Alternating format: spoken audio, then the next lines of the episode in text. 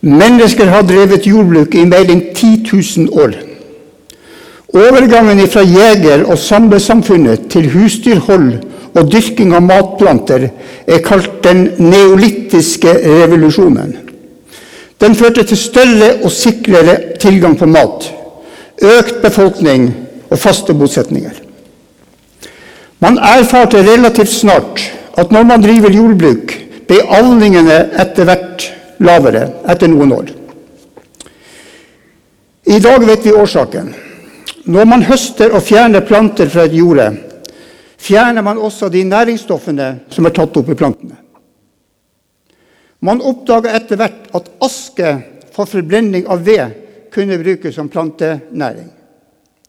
Denne kunnskapen ga grunnlaget for det såkalte svedjejordbruket, som ble drevet i Skandinavia fram til 1800-tallet, og som fortsatt praktiseres i enkelte u-land.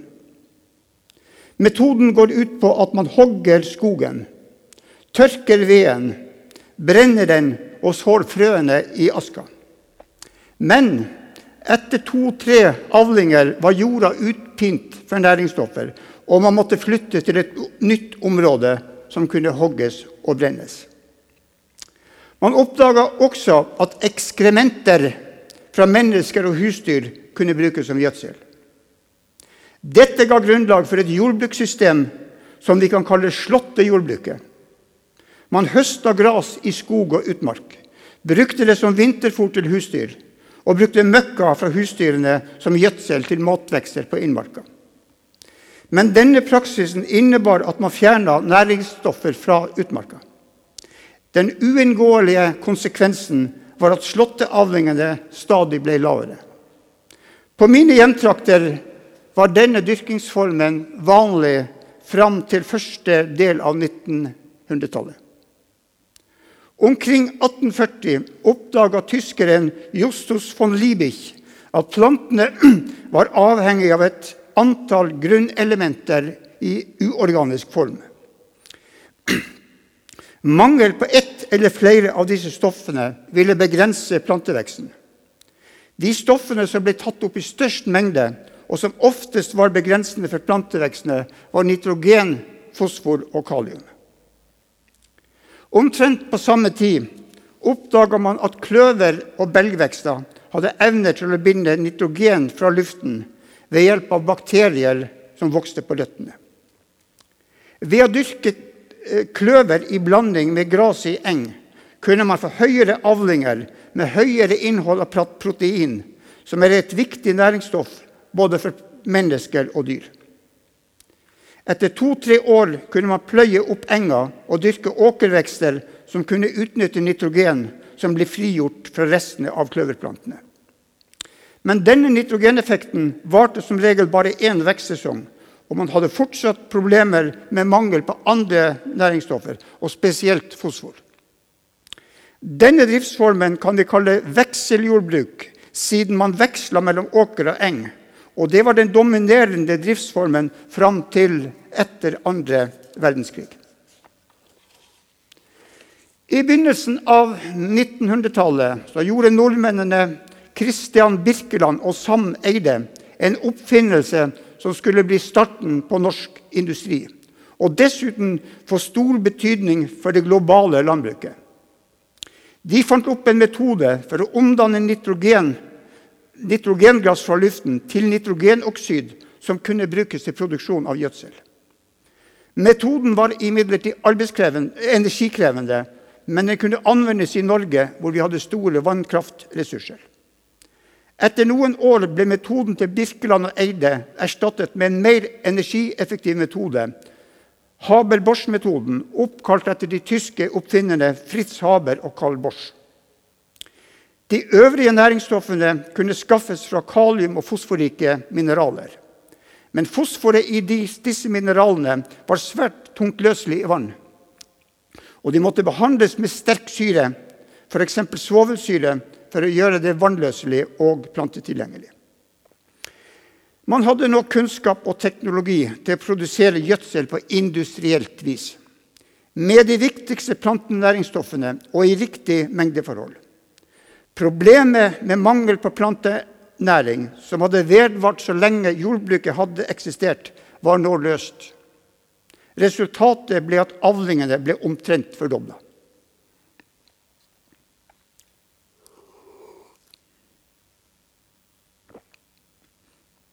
De to siste hundre årene har utviklinga i jordbruket vært sterkere enn de foregående 10 000 år.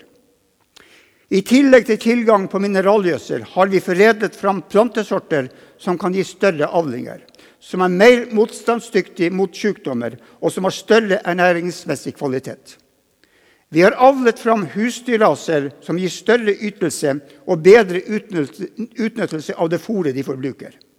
Vi har fått tilgang på midler for å beskytte avlingene mot ugras, sykdommer og skadedyr. Og vi har fått tilgang til maskiner og redskaper som har overtatt manuelt arbeid. Dette moderne landbruket blir derfor ofte kalt industrijordbruk. Noen mener at vi pga. topografi og små jordteiger ikke har noe reelt industrilandbruk i Norge. Spørsmålet er imidlertid bare av akademisk interesse. Poenget er at vi i dag produserer tre ganger så mye mat per arealenhet som for 50 år siden. Maten har blitt billigere, tryggere, av bedre kvalitet og framstilt med mindre menneskelig slit. På min hjemgård bruker man nå tre timer på å høste det jordet som vi brukte tre uker på å høste i min barndom. Som en motreaksjon mot industrijordbruket har det vokst fram en internasjonal bevegelse med det engelske navnet 'Organic Movement' og det norske navnet Økobevegelsen. Den første spiren til denne bevegelsen ble lagt av den østerrikske antroposofen Rudolf Steiner i 1924.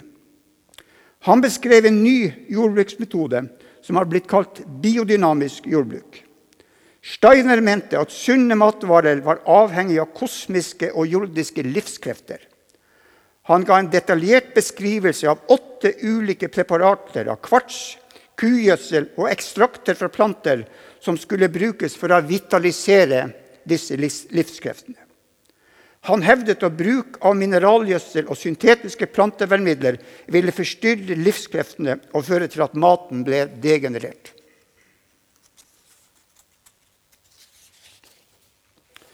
Steiner hadde ingen landbruksfaglig bakgrunn. Han karakteriserte sjøl sitt fagområde som åndsvitenskap.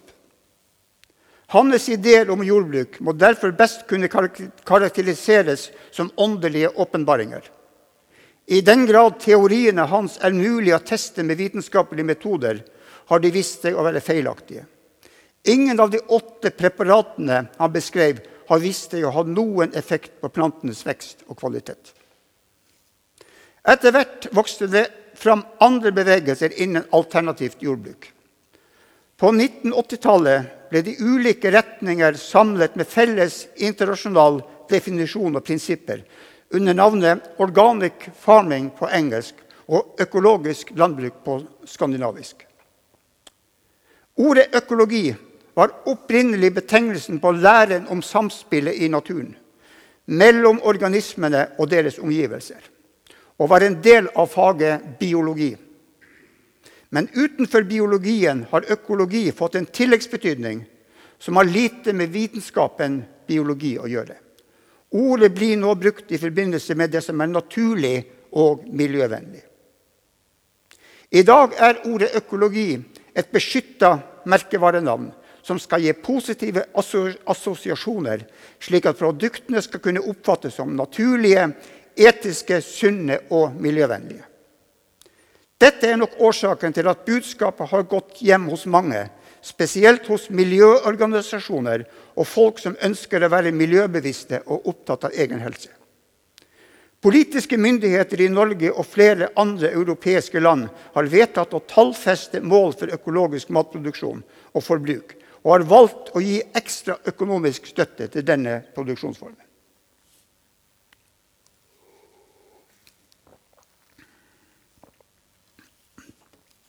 Vi hører ofte fra økobevegelsen at økologisk mat er produsert på naturens premisser. Denne påstanden er sterkt misvisende. Et jordbruk på naturens premisser er en selvmotsigelse. Det er bare mat som er høsta direkte fra naturen, som er produsert på naturens premisser. Jordbruk er per definisjon en styrt økologisk ubalanse. Jordbruk innebærer fjerning av naturlig vegetasjon, drenering og tørrlegging av våtmarker, jordarbeiding, introduksjon av nye plantearter og fjerning av ugress. Disse dramatiske endringene i naturen er felles for alt jordbruk, enten det er konvensjonelt, økologisk eller biodynamisk. At man bruker syntetiske kjemikalier i det konvensjonelle jordbruket, har bare marginal betydning i forhold til de øvrige miljøkonsekvensene av jordbruk. De fleste som driver økologisk jordbruk i dag, tar avstand fra den åndelige dimensjonen i Rudolf Steiners lære. Men ett av prinsippene fra Steiner gjelder fortsatt i alle former for økologisk landbruk. Forbudet mot å bruke såkalte syntetiske kjemikalier. Dette forbudet er selve fundamentet i regelverket for økologisk produksjon. Men ikke desto mindre er det basert på en ideologi som er i strid med vanlig akseptert naturvitenskap. Det har vært kjent i snart 200 år at planter trenger et antall grunnelementer for å vokse. Disse elementene oppløst, finnes oppløst i jordvæska og tas opp av planterøttene i mineralsk form, som joner. For plantene har det ingen betydning om disse elementene kommer fra forvitring av mineraler i jord, fra nedbryting av organisk materiale eller fra en fabrikk. Det som betyr noe, er at næringselementene er til stede i plantenyttbar form og i riktig mengde. Et ufravikelig krav til at et jordbrukssystem skal være bærekraftig, er at det må tilbakeføres like mye næringsstoffer til jorda som det som fjernes gjennom den avlinga som høstes. En del av nitrogenbehovet kan dekkes ved dyrking av nitrogenfikserende belgvekster, som bønner og kløver i gressmark. I tillegg kan man bruke husdyrgjødsel, kjøttbemel og annet slakteriavfall, matavfall og kloakkslam som er gjødsel fra mennesker. Men disse næringskildene er ikke på langt nær nok til å dekke plantenes næringsbehov når en skal drive jordbruk i større skala. Derfor er mineralgjødsel helt nødvendig dersom en skal dekke menneskenes matbehov. Men det er altså ikke tillatt i økologisk landbruk. Så kan en stille spørsmålet Hvorfor vil ikke det økologiske landbruket akseptere bruk av lettløselig mineralgjødsel, som ikke er noe annet enn næringsstoffen i den formen de kan tas opp av plantene? En, erfaring, en forklaring er sikkert arven fra Rudolf Steiner. Men de fleste innser at hans teorier om åndskrefter i gjødsel og mat ikke er troverdig i dagens opplyste samfunn. I stedet har man funnet på noen alternative argumenter. En påstand er at kunstgjødsel dreper organismene i jorda og bryter ned humusen, dvs. Si det organiske materialet. Men det er godt dokumentert at dette er feil. Mineralgjødsel inneholder næringsstoffer som er nødvendige både for planter, dyr og mikroorganismer. Den har ingen skadelig virkning når den tilføres i normale mengder. Tvert imot, den fører til økt plantevekst, med røtter og planterester som, tilbake, mer røtter og planterester som tilbakeføres til jorda, og gir derfor høyere humusinnhold og større biologisk aktivitet i jorda. Et annet argument er at mineralgjødsel bidrar til forurensning av grunnvann, vassdrag og havområder.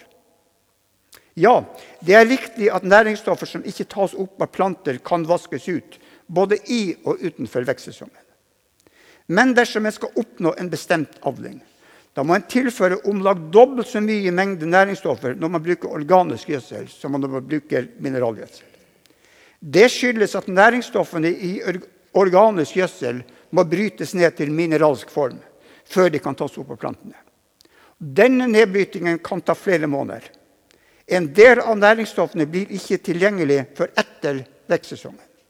Organisk gjødsel vil derfor bidra til mer forurensning enn mineralgjødsel.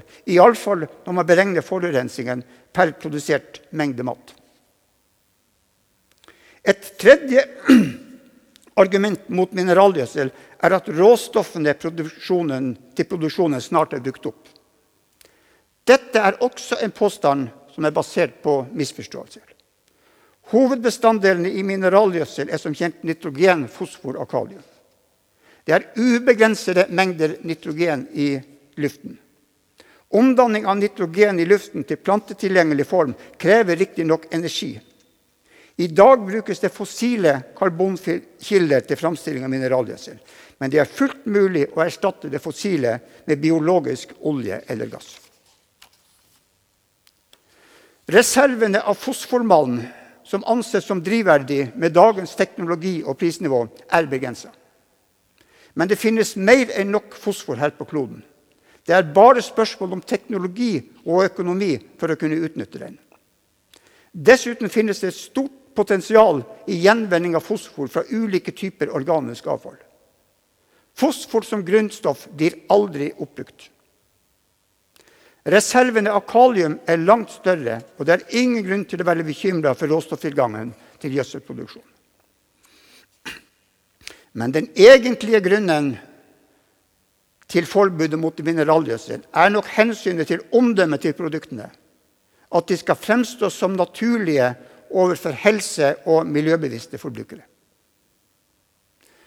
Man skulle tro at det økologiske landbruket har gjort seg uavhengig av mineralgjødsel når de fordømmer den så sterkt. Men faktum er at de drar, nytte, de drar stor nytte av den mineralgjødsla som er brukt i konvensjonelt landbruk. For å kunne lykkes med økologisk produksjon må jorda være godt gjødsla opp på forhånd av mineralgjødsel eller konvensjonell husdyrgjødsel. Næringsreservene som er bygd opp ved den konvensjonelle driften, kan man tære på i mange år etter omlegginga. En stor del av næringsstoffene som finnes i den økologisk godkjente organiske gjødsla, har sin opprinnelse i mineralgjødsel. Dette gjelder gjødsel basert på matavfall, slakteriavfall og husdyrgjødsel. I økologisk produksjon er det faktisk tillatt å bruke konvensjonell husdyrgjødsel, enten fra nabogårder eller fra egen gård når bare en del av gården drives økologisk. Mesteparten av næringsstoffene i den konvensjonelle husdyrgjødsla kommer fra mineralgjødsel, som altså er forbudt i økologisk skrift. Men når de samme stoffene har gått gjennom fordøyelsen til et husdyr, er de altså renvasket og godkjent som økologisk gjødsel. Det er fristende å sammenligne dette med hvitvasking av penger. Eller kanskje vi skal kalle det for grønnfarging av gjødsel. Men hva med syntetiske plantevernmidler? Det vanligste argumentet for å kjøpe økologisk mat er at den inneholder langt mindre rester av plantevernmidler. Men ifølge Vitenskapskomiteen for mattrygghet er mengdene som finnes i konvensjonell mat, langt under de nivåene som kan føre til helserisiko. Det er for øvrig en misforståelse at planter som ikke er sprøyta, er giftfrie. Når planter blir angrepet av insekter eller sopp, reagerer de med å produsere giftstoffer for å beskytte seg sjøl. De lager med andre ord sine egne plantevernmidler, som kan være langt giftigere for folk og dyr enn de syntetiske stoffene som er godkjent for bruk i landbruket. Planter som ikke er sprøyta, kan derfor inneholde mer giftstoffer enn sprøytede planter. En av verdens fremste kreftforskere har konkludert med at 99,99 ,99 av de giftstoffene vi får i oss fra frukt og grønt, er giftstoffer som er produsert av plantene selv. Vi får altså i oss 10 000 ganger så mye naturlige giftstoffer i maten enn det vi får av syntetiske sprøytemidler.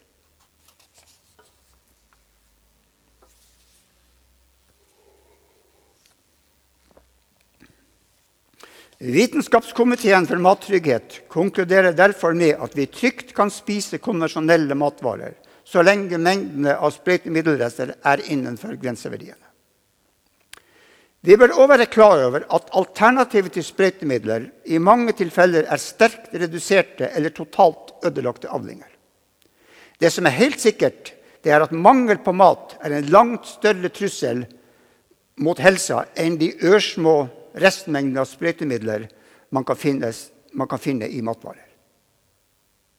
Det er likevel et mål for landbruket å bruke så lite sprøytemidler som mulig. Det er nå utvikla roboter som er i stand til å sprøyte direkte på de enkelte plantene. På denne måten kan man redusere bruken av ugressmidler med mer enn 99% Det er heller ikke tilfellet at alle jordbruksvekster i Norge blir sprøyta. Ved dyrking av tomater og agurker i veksthus bruker man biologiske metoder for å bekjempe skadeinsekter. Er økologisk mat bedre for helsa? Landets mest kompetente organ på dette området er Vitenskapskomiteen for mattrygghet. De ga ut en rapport for snart tre år siden hvor de konkluderte med følgende. Basert på forskningen som finnes i dag, er det ikke grunnlag for å si at økologisk mat er bedre eller dårligere for helsa enn konvensjonelt produsert mat. Men når man sammenligner et stort antall parametere i et stort antall produkter, vil en selvsagt kunne finne enkelte forskjeller, som enten er i favør eller i disfavør av økologisk mat. Men det er altså ikke vitenskapelig grunnlag for å si at økologisk mat generelt er bedre enn konvensjonell mat er økologisk bedre for dyrevelferden. Vitenskapskomiteen for mattrygghet har også behandla dette spørsmålet. De sier forskningen viser at det generelt er liten forskjell i velferden til husdyr i økologiske og konvensjonelle besetninger i Norge. Forskjellene i velferd er størst i fjørfeproduksjon. I regelverket for økologisk husdyrhold står det at såkalte homeopatiske preparater skal være førstevalget ved behandling av sykdom hos dyr, og at bruk av kjemisk eller syntetisk framstilte legemidler skal begrenses så langt som mulig. Ifølge veterinærmedisinsk forskning har homeopati ingen påviste effekter hos dyr og fører bare til unødvendige lidelser hos husdyr. Er økologisk landbruk bedre for miljøet? Miljøvirkningen av landbruk er et svært komplekst tema. Men man kan gruppere den på tre områder. Påvirkninger på vannmiljø, på klima og på det biologiske mangfoldet. De undersøkelsene som er gjort for å sammenligne økologisk og konvensjonell landbruk, viser at økologisk bidrar til mindre vannforurensning og slipper ut mindre klimagasser når man måler utslippene per arealenhet. Men økologisk produksjon gir lavere avlinger og krever derfor større areal for å produsere like mye mat. Når man sammenligner utslipp per enhet produsert mat, er det ingen forskjell mellom økologisk og konvensjonelt. Det biologiske mangfoldet er større på økologisk drevet areal. Det skyldes hovedsakelig mer ugress, mer insekter som tiltrekkes av ugraset, og mer fugler som jakter på insektene. Men en stor internasjonal studie av mer enn 200 gårdsbruk har vist at det var restarealer og åkerkanter som hadde størst betydning for det biologiske mangfoldet på en gård. Disse arealene finnes òg på konvensjonelle bruk. Når man så på brukene under ett, var det ingen signifikante forskjeller mellom økologiske og konvensjonelle bruk. Det som likevel er mest interessant, er hvordan jordbruket påvirker det totale biologiske mangfoldet på kloden. Det er ingen tvil om at uberørt natur har større biologisk mangfold enn dyrka mark.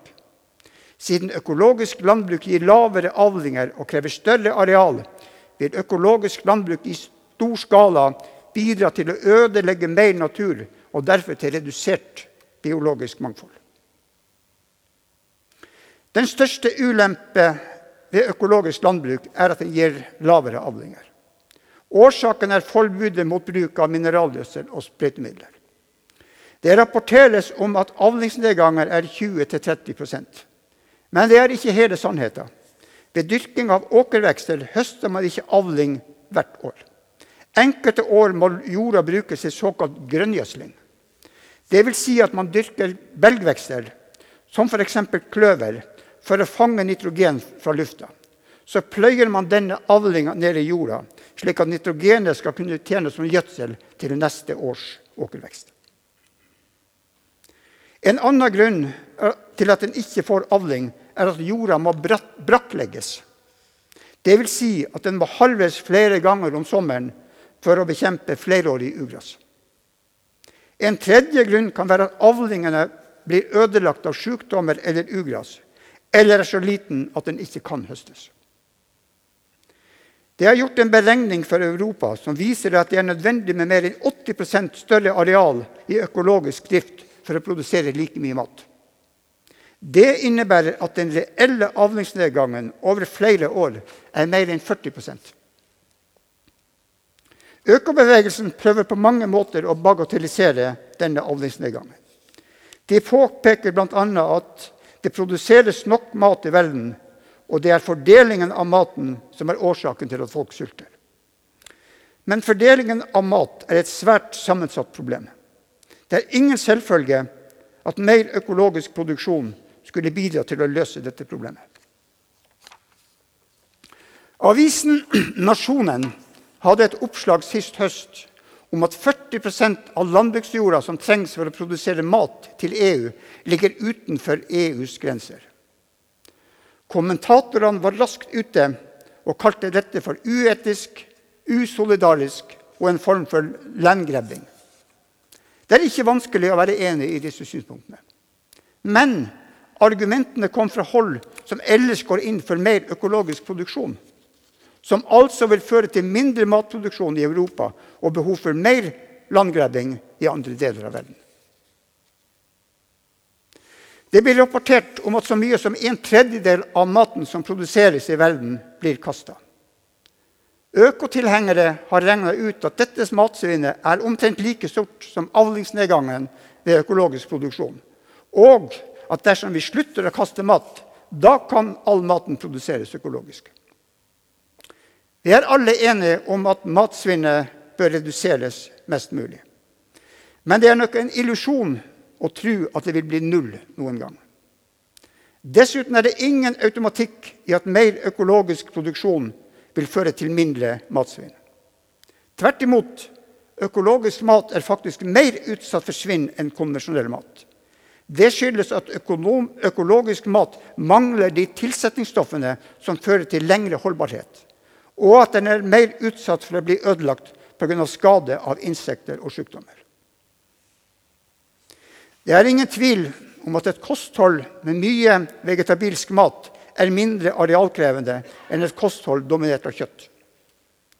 Da foreslås det fra økotilhengere at hvis vi går over til å spise bare plantebasert kost, ja, da kan vi fø hele verden med økologisk mat. Men problemet er at det er vanskelig å produsere matplanter i økologisk dyrking. Man er nemlig avhengig av husdyr. Ikke primært for å produsere kjøtt eller melk, men for å produsere husdyrgjødsel. Dersom vi bare skulle spise vegetabilsk mat og i tillegg slutte å kaste mat, ville det selvsagt ikke eksistere verken husdyrgjødsel, slakteriavfall eller matavfall. Og da ville det nesten ikke eksistere økologisk godkjent gjødsel. En annen påstand fra økobevegelsen er at det bare er i den industrialiserte delen av verden hvor man får lavere økologiske avlinger. I mange u-land skal man nemlig ha registrert 100% avlingsøkning ved overgang fra konvensjonelt til økologisk landbruk.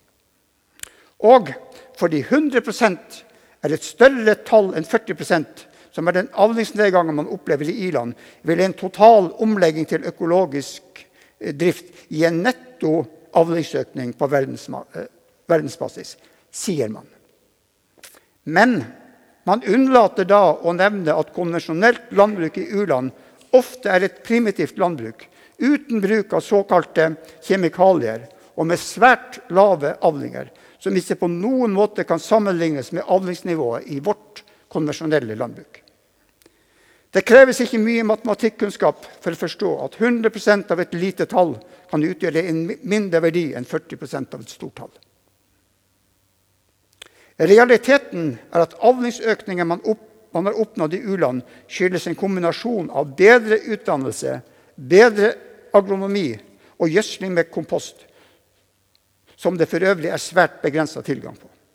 Det kan ikke være noen tvil om at man kan få større avlingsøkning i u-land hvis man i tillegg bruker mineralgjødsel og plantevernmidler i riktige mengder. Vi hører også at man kan få like store avlinger ved økologisk drift som ved konvensjonell drift hvis vi bare hadde forska like mye på økologisk som på konvensjonelt landbruk.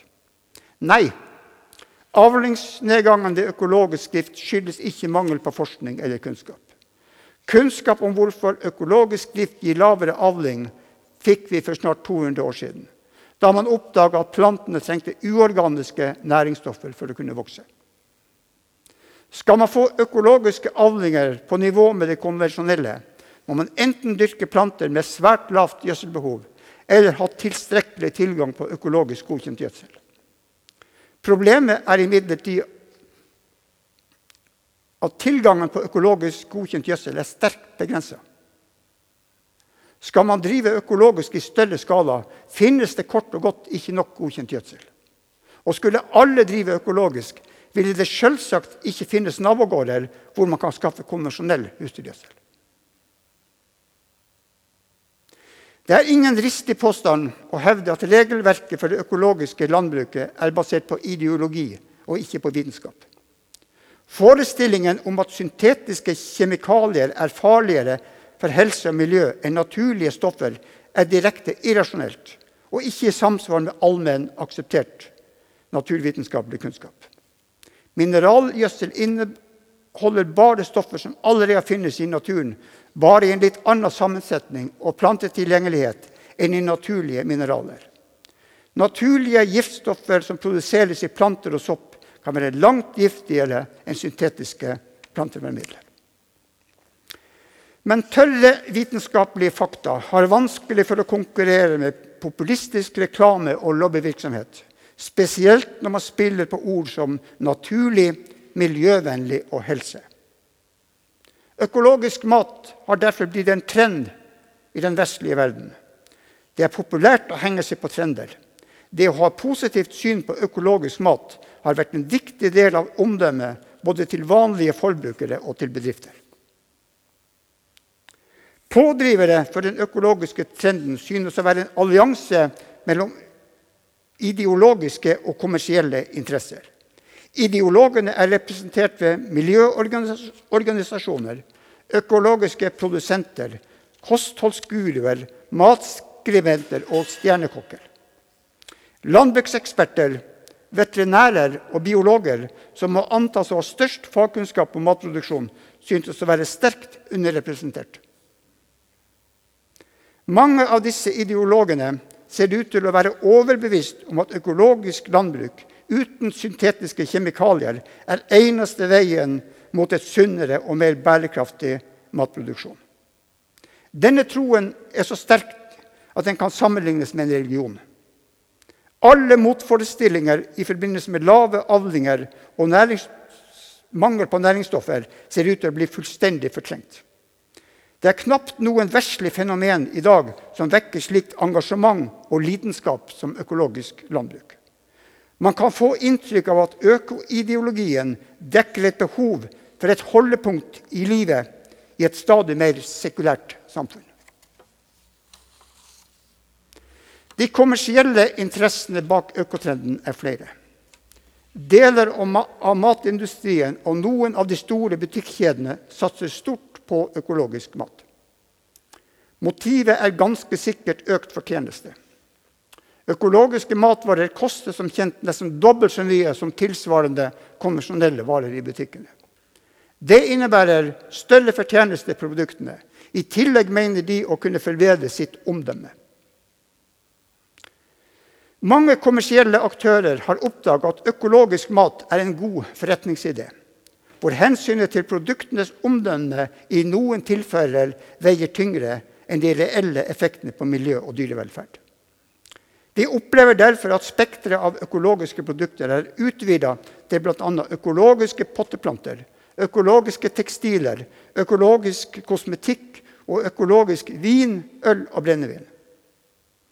Det er vanskelig å si enn å se noe annet enn økonomiske behov for denne satsingen. Man kan ikke for alvor hevde at økologisk alkohol er mindre helseskadelig enn konvensjonell alkohol. Flere økologiske gårdbrukere sier åpent at årsaken til at de driver økologisk, er at det gir større inntekt. De sparer utgifter til mineralgjødsel og plantevernmidler. Lavere avlinger blir kompensert av større statlige tilskudd og høyere pris på produktene. For noen år siden ble det gitt ut en brosjyre for å oppfordre bønder til å legge om til økologisk korndyrking, med følgende tittel 'Har du råd til å la være'? Vi har også eksempler på at de konvensjonelle interessene har fått politisk drahjelp.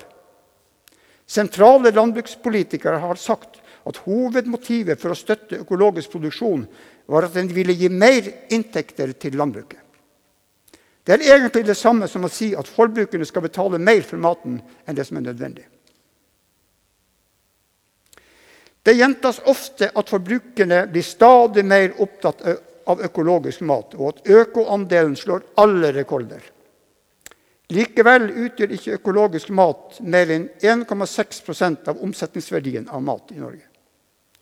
Når en tar hensyn til at økologisk mat koster mer, kan en anslå at økoandelen er ca. 1% målt i volum.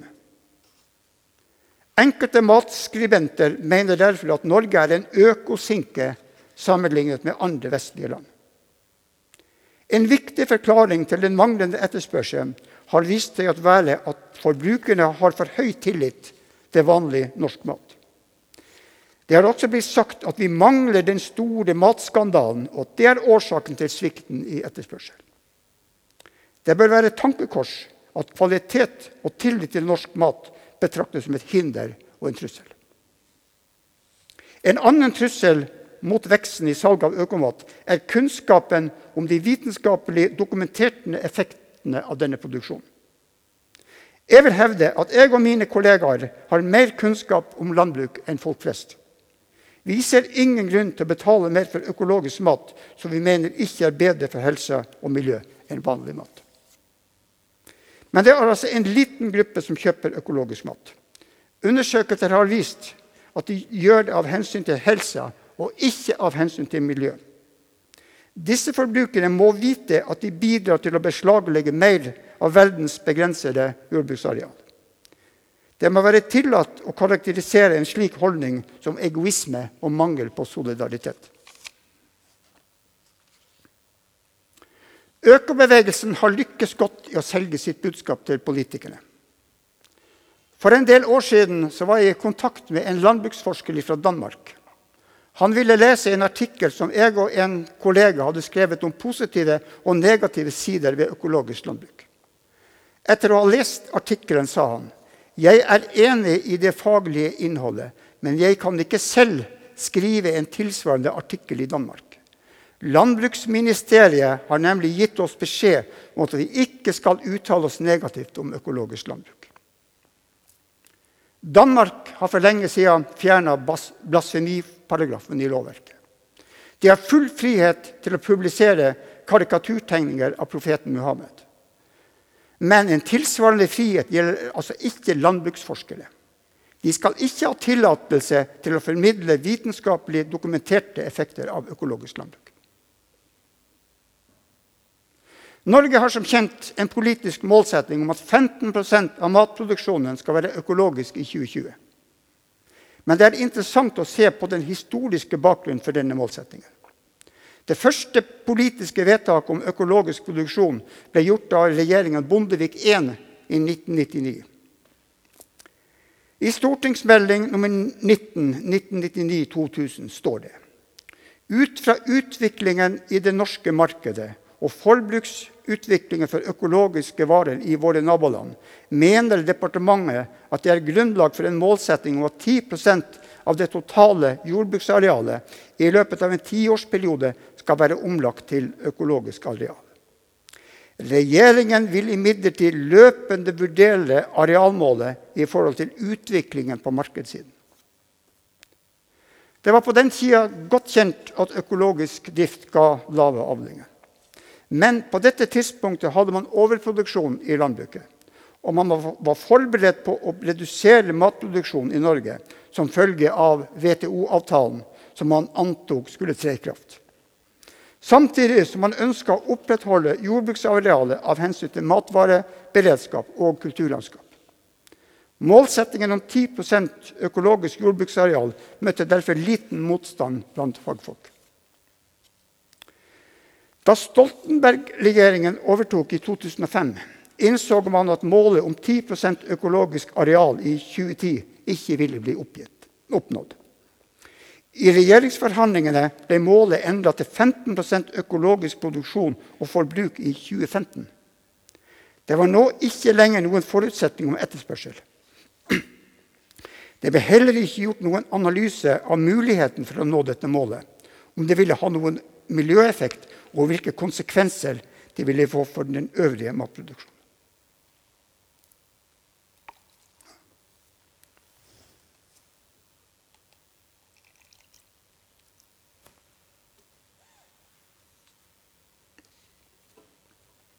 Det viser seg nå at det er svært vanskelig å nå målet om 15% økologisk. Selv om tidsfristen har blitt forlenga til 2020. Årsaken er todelt. Det store flertallet av norske bønder mener at økologisk landbruk ikke er bærekraftig. Etterspørselen etter økologisk mat har vært mindre enn det politikerne antok i 1999. Økobevegelsen krever derfor at myndighetene skal vise ansvar og pålegger offentlige institusjoner om å kjøpe mer, mat, mer økologisk mat, slik at man kan nå det målet som Stortinget har vedtatt. Dette er en form for sirkelargumentasjon. Man krever at etterspørselen skal være styrt av målet, mens den opprinnelige intensjonen var at målet skulle være styrt av etterspørselen.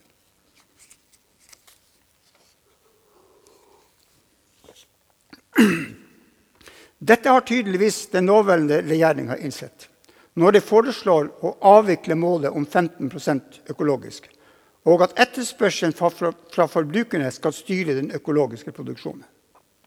En viktig begrunnelse er at en sterk økning i det økologiske arealet vil bidra til en nedgang i den totale matproduksjonen og gjøre det mer krevende å redusere klimagassutslippene fra jordbruket. Forslaget har blitt møtt med sterke protester fra økobevegelsen, til tross for at det er, i realiteten er det samme målet som den første, samme som den første målsettingen fra 1999, som forutsatte at etterspørselen skulle styre målet. Den eneste forskjellen er at man nå ikke vil tallfeste noe mål.